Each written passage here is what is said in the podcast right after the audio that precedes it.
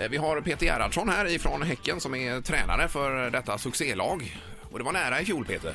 Ja, det var mm, mycket, mycket nära. Ja, Men, men be- berätta gärna lite grann om, om upphällningen, om slutet av säsongen där. Ja, det var ju det var många saker som hände. Det som var mm, bland det häftigaste tyckte jag att det var, jag tror det var Elfsborg hemma när vi eh, första gången hade ett utsåld stadion och folket höll på oss. Det har varit utsålt förut men då, då har vi inte känt det här och, och det inträffade sen i resterande hemmamatcher att det var och helt plötsligt så hade vi nått någonting som inte hade funnits förut. Så det tycker jag var ett stort publikstöd på det sättet. Med Ja, precis, Nej, ja. just det. Ja. Eh, Men det var eh, väldigt, väldigt nära. Alltså, det hängde ju på någon match bara där på slutet. Ja.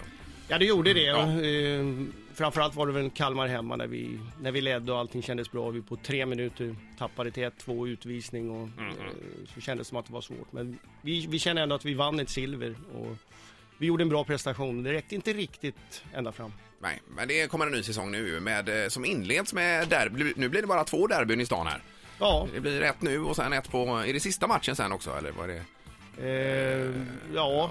Eller vad det nu var.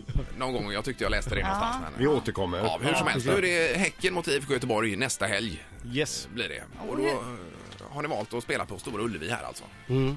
Vad, hur, hur tänker ni där? Ja, det är ju, man säger, för, i första hand så är det en klubbfråga när man diskuterar när det gäller publik och sådana. För mig som tränare så är det viktigaste underlaget, att det, att det är en bra plan.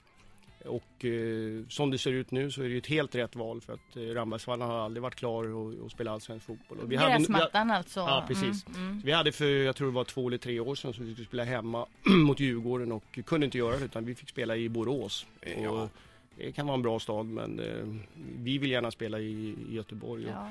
Det här tror jag är de bästa förutsättningarna för, för oss att få spela på en bra fotbollsplan. Ja. Och hur mycket folk räknar ni med på, på premiären här? Ja, eh, Marcus är, mm, han som är marknadsansvarig, han hoppas på 20 000 så att... eh, Det är nog jag, lå- lågt räknat skulle jag jag, säga. hoppas på poäng. Ja. Ja, Men hur ser det ut i laget? Är det ungefär som förra säsongen? Är det mycket nytt? Ja, det är, man har en, alltid tycker jag så här 5, 6, 7 nya spelare som ska in. Och det är, men jag tycker det ser lite bättre ut nu i, än vad det gjorde förra året vid den här tiden. Lite mindre så här långtidsskadade och eh, laget sitter lite bättre ihop både på och utanför plan. Så att, eh, lite mer positiv känsla har. Mm. får man fråga, en, en lekmansfråga här. Har, har varje spelare en, en speci, specifik roll?